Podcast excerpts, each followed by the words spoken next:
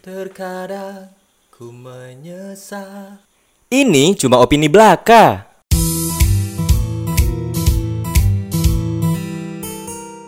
Oke, selamat datang di Opini Belaka episode pertama. Hmm, ini adalah sebuah podcast di mana pembawa acaranya adalah Sadik dan Dodi. Yo eh. Iya, buat yang denger audio doang, ini suara Sadik. Dan ini suara Dodi. Buat yang nonton visual bisa lewat YouTube di Realis. Ini dan Sadik, ini Dodi. Iya benar.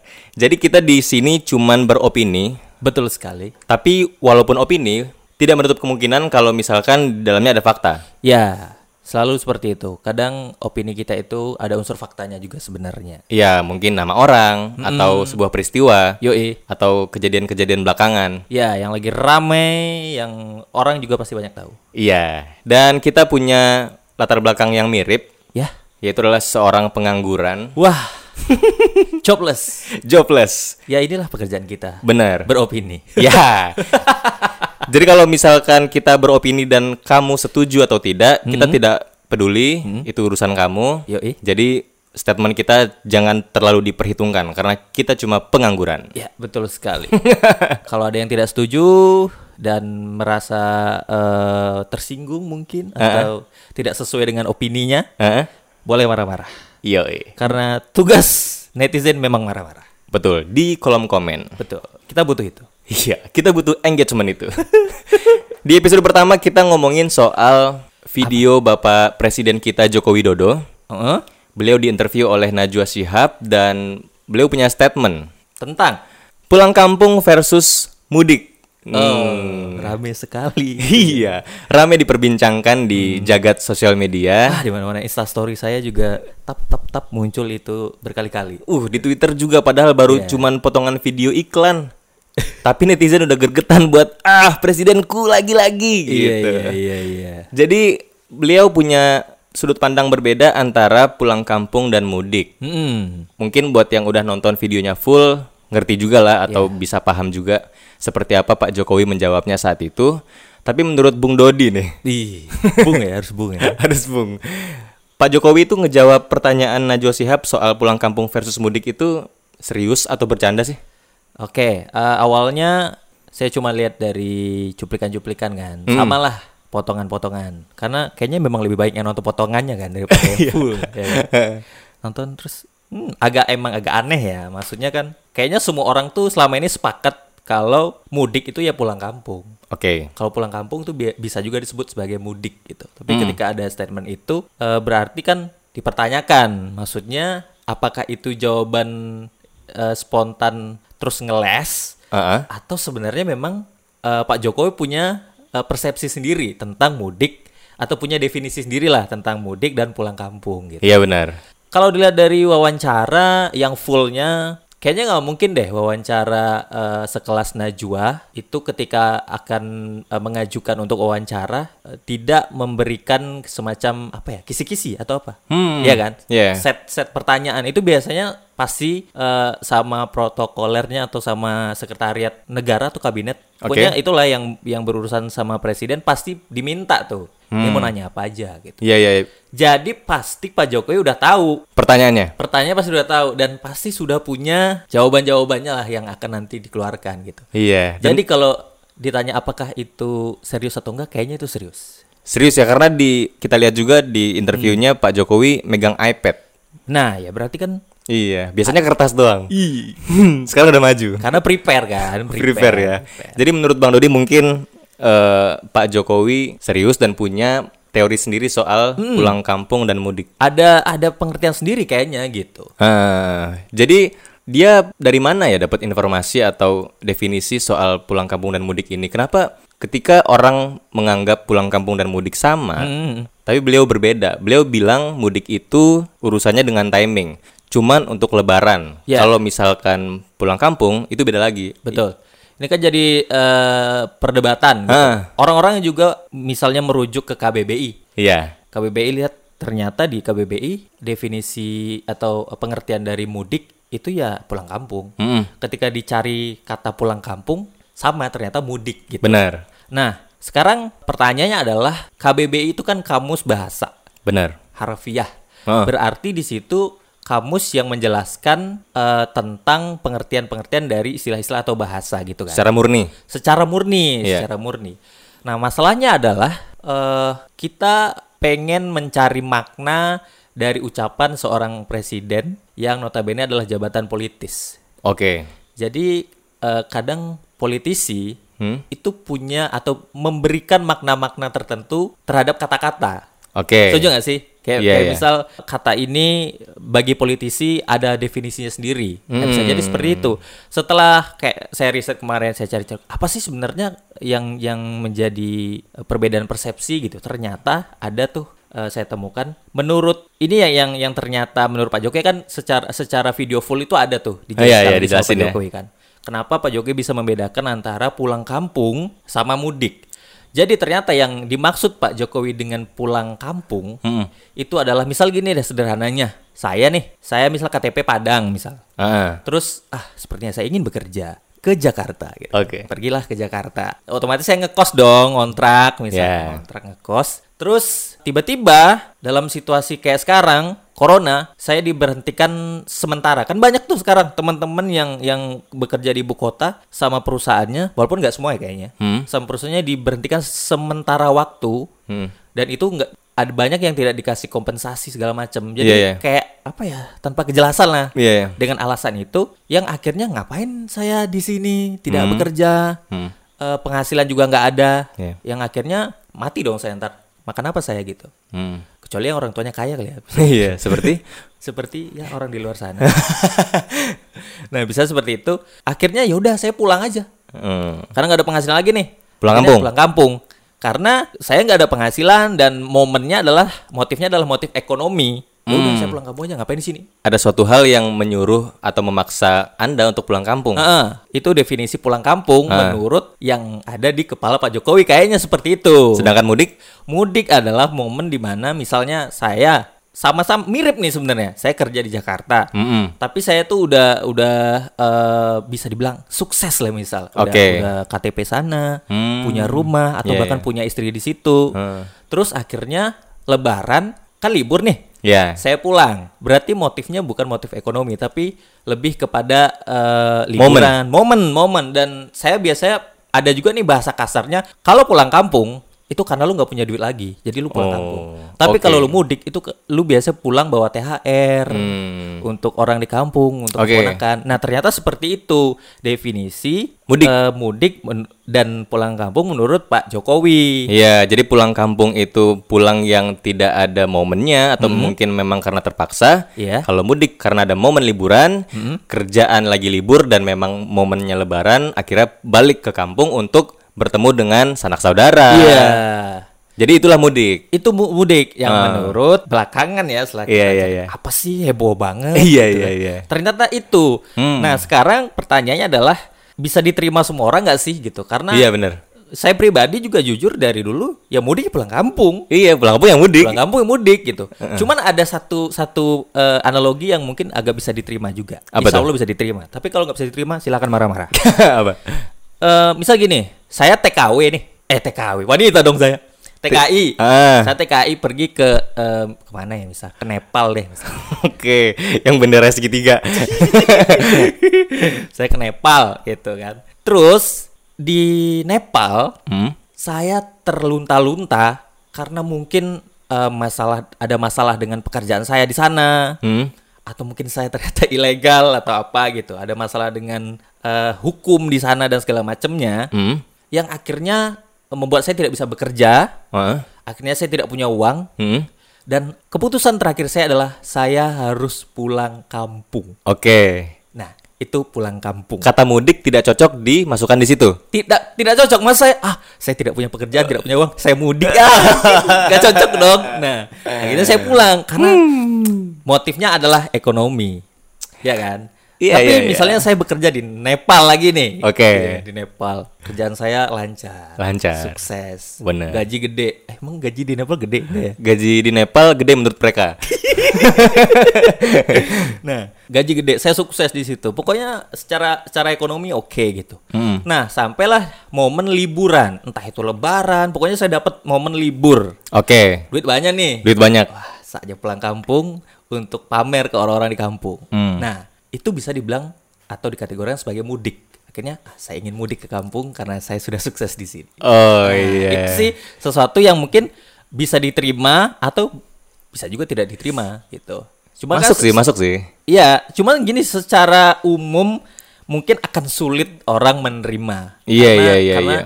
apaan sih eh, ribet banget kayaknya selama ini ya mudik tuh ya pulang kampung gitu. Karena ini kaitannya dengan virus dan ini kaitannya dengan aturan atau statement Pak Jokowi soal beliau melarang mudik awalnya PNS, tapi makin ke sini seluruh masyarakat yang di ibu kota terutama dilarang pulang kampung atau mudik. Nah, jadi ada yang curi start. Jadi Ya. dia pulang kampung sebelum waktu lebaran. Betul. Sebelum waktu pelarangan mudik itu mereka udah pulang kampung. Jadi Pak Jokowi bilang itu kan pulang kampung, itu bukan mudik. Ya. Ya gimana ya sebenarnya sebenarnya poinnya adalah dilarang pindah dari suatu tempat yang banyak positif corona Ya. ke tempat yang sepi ke tempat yang masih jarang positif. Sebenarnya poinnya di situ kan. Ya. Tapi sebenarnya kita tahu Najwa Shihab di situ bertanya, gimana nih orang udah banyak nih yang pergi ke tempat yang sepi negatif, eh sepi positif gitu. Tapi ini gimana ceritanya? Jadi Pak Jokowi itu langsung mendefinisikannya malah jawabannya ke mudik dan pulang kampung. Nah, itu tadi makanya yang di awal saya singgung dikit tuh. Kalau Iya. kalau Pak Jokowi presiden. Presiden adalah jabatan politisi. Iya benar. Bisa aja ini sekali lagi ini adalah opini ya. Iya, iya, iya, Opini. iya, Bisa iya. aja sebenarnya itu memang sebuah statement yang sifatnya politis. Jadi Oke. memang karena beliau seorang politisi, beliau eh, mencoba untuk cari atau keluar Oke, oke, dari oke. dari pertanyaan Najwa yang ya kita tahu beliau Iya, iya, iya, iya. seorang eh, interviewer yang Iya iya sangat iya, bagus iya. sekali gitu. Iya benar benar benar. Jadi kalau kalau memang eh, semua orang bisa memaklumi itu adalah Hmm. statement politis, seharusnya tidak terlalu heboh. Tapi kan kayaknya zaman sekarang itu orang jarang yang fokus pada esensi tapi lebih kepada senang dengan sensasinya gitu. Wah, kayaknya ini bisa dijadikan sensasi dan akhirnya viral nih heboh banget. Tapi ini bukan soal sensasi doang. Kenapa ini bisa menjadi ramai? Karena itu keluar dari mulut presiden. Hmm. Ya, ha. Jabatan politis kan banyak. Iya. Mungkin kalau keluar dari anggota DPRD Trenggalek mungkin itu nggak akan jadi ramai. Tapi ini kepala negara loh ini. Iya, iya, Ini iya. adalah seorang yang berpengaruh. Makanya bisa jadi ramai. Sebenarnya Najwa Shihab juga pasti akan Hmm. akan merespon positif juga atas keramaian ini karena memang medianya akan terekspos kan. Betul betul betul. Tapi- cuman cuman nggak tahu ya kenapa eh, harus diakui ada banyak sekali mm, permasalahan komunikasi Dari dari Pak Jokowi dari dulu. Kalau Oh. komunikasi ya. Oke maksudnya- oke. Anda melihat seperti itu ya? Iya, kita harus eh, objektif kan. Maksudnya Oke. ada ada beberapa kali terjadi masalah komunikasi gitu. Mm-mm. Ya nggak tahu itu apakah kita mau mau sebut yang salah tim atau staffnya atau Pak Jokowi sendiri nggak tahu ya. Hmm. Iya iya iya. Cuman harus diakui gitu. Iya. Tapi harus diakui juga Najwa Shihab nih sorry ya saya potong. Kalau saya lihat-lihat belakangan ini Najwa Shihab ini suka menginterview orang dengan pertanyaan yang lumayan kritis. Ya. Karena memang kondisi negara lagi kritis kan soal pandemi ini. Tapi sebelum-sebelumnya saya perhatiin Najwa Shihab kalau menginterview Jokowi itu selalu sopan, bawaannya lebih santun dan kayaknya hati-hati. Karena memang mungkin nggak terlalu banyak masalah dan Pak Jokowi belum terlalu diserang oleh netizen kan. Oh iya. Cuman karena situasinya sekarang saat ini, mungkin kemarin saya lihat kok Najwa Shihab tumben nih agak menusuk-menusuk nih ke Pak Jokowi. Walaupun saya yakin memang pertanyaannya udah dikasih duluan. Iya iya iya. Tapi udah mulai asik nih, sudah mulai Ya karena mulai banyak menteri-menteri Pak Jokowi yang blunder membebaskan orang-orang di penjara itu menurut saya itu salah Iya, satu iya, iya. hal yang aneh ya. Nggak tahu ya motifnya apa. Saya punya opini tersendiri yang saya males untuk keluarkan di sini gitu. Kenapa tiba-tiba ngapain nih orang di penjara dikeluar-keluarin? Oh, aduh. Terus orang yang mudik bandel dipenjarain kan aneh. Iya, iya. itu persoalan berbeda ya. Itu berbeda berbeda. Jadi ya mungkin itu salah satu hal yang yang membuat eh, Mbak Nana atau Najwa so akrab ya. Mbak Nana. Najwa jadi mungkin ah lebih lebih lebih Lebih kritis. lebih kritis atau lebih menohok lah istilah. Dan kemudian ini menjadi ramai karena kata mudik dan pulang kampung ini dikomen atau direspon sama salah satu pegiat bahasa Pegiat bahasa bernama Ivan Lanin. oh di Twitter. di Twitter. Jadi beliau juga menyampaikan keresahannya bahwa capek-capek nih saya ngejelasin kata per kata ke masyarakat, tapi politisi selalu Nah, egois terhadap satu kata. itu tadi. Terlalu egois dengan pemaknaan kata itu. Iya iya iya. Tapi sebenarnya gini, eh selain politisi, orang-orang biasa di sekitar kita itu kadang juga nggak tahu ya orang biasa yang yang punya motif apa. Banyak juga orang yang suka membeda membuat definisi sendiri tentang kata-kata yang sebenarnya maknanya sama. Contoh. Misalnya eh, laki-laki dan eh cowok dan pria itu berbeda. Pernah dengar ya? Pernah dengar? Nah, apa tuh beda? Kalau cowok itu yang masih labil, Iya benar. yang eh, belum punya visi atau tanggung jawab yang jelas. Tapi saya percaya itu loh, emang salah ya? Ternyata secara definisi sama aja gitu. Secara harfiah sama. Secara harfiah sama. Kalau didefinisikan eh, secara orang-orang ya itu kan cowok itu yang kayak tadi. Iya, benar. Kalau pria itu loh yang sudah mapan. Iya benar-benar. Yang Seperti saya lah. yang macho yang Oke, oke, oke. makanya kalau bahasa di produk-produk suplemen itu kan pria Iya, iya, rokok iya. juga pria Oh, iya, iya, jadi benar. emang emang buat yang kalau udah dewasa tuh kayaknya pria tapi kalau yang masih eh, labil yang masih abg abg tangguang itu Iya, benar. bisa bilang wah itu cowok tuh Eh, padahal sebenarnya sama aja gitu nah ada cowok, ada laki-laki, ada pria. Ada pria. Kalau saya mendefinisikannya kayak gini, cowok itu yang alay, oh ya yang masih oke. labil. ya Laki-laki masih muda tapi berpendidikan. ya oke. Pria mapan, kaya raya, bukan saya. suaranya berat, Bukan eh, mama ayo pulang. Nah itu pria tuh. Oke. Nah itu tuh kayak mendefinisikan itu. Padahal di kamus bahasa Indonesia, Ketek dewasa berarti suaranya berat. padahal kamus besar bahasa Indonesia mempunyai arti yang sama. Iya secara Anda yakin? sama. Saya belum cek nih soalnya. Cek aja. Oke. Ya minimal laki-laki dan pria lah sama, sama aja sebenarnya. Iya sama-sama punya barang gitu ya. Sama-sama punya pancang gitu. Pancang inderang. Hmm. iya, nggak gitu dong mainnya dong. Oh gitu. Jadi walaupun bukan politisi bahkan masyarakat awam pun masih sering membedakan Iya, itu. heeh. apalagi politisi yang Apalagi politisi. suka membuat kata itu jadi semakin ribet ya. Rumit Iya, iya, maksudnya. iya, iya. Kayaknya sih sebenarnya sederhana aja maknanya Iya, itu iya, ini. iya, iya. Tapi Ya bukan jelek, cuman kurang bagus aja. Nah, gitu. iya iya. Politisi iya, itu kayak suka gitu. Kayak gitu. Nggak jelek sih. Cuman bukan selera masyarakat banyak. Iya, akan akan lebih baik kalau begini gitu. Jadi kayak Iya iya. ah, eh, itulah politisi seperti itu. Jadi kalau orang-orang sekarang heboh sama video-video kemarin, Ah? ya menurut saya itu lebih ke karena sensasinya aja. Iya, benar. Wah, ini seru nih untuk diviralkan apalagi dengan dibuat eh, memes dan segala macamnya. Hmm. Jadi untuk lebih heboh aja gitu. Iya perlu kita akui memang di antara masalah-masalah Indonesia ini yang paling diuntungkan adalah media. Iya dong. Iya kan? Iya dong. Media punya banyak sekali berita, pemberitaan dan masalah itu akan selalu berbeda setiap harinya, entah itu korban yang bertambah atau kebijakan-kebijakan aneh dari menteri-menteri atau dari Pak Jokowi Hmm. sendiri. Jadi kita sebagai masyarakat agak pusing sebenarnya ini kita harus bagaimana, Hmm. sedangkan pemerintah dan media punya kepentingan yang beda-beda. Iya, kita iya. juga pusing kan media nih mana yang cerdas atau mana yang akurat, mana yang benar-benar datanya Lebih valid. pusing lagi sekarang semua orang mencoba menjadi media. Seperti ini.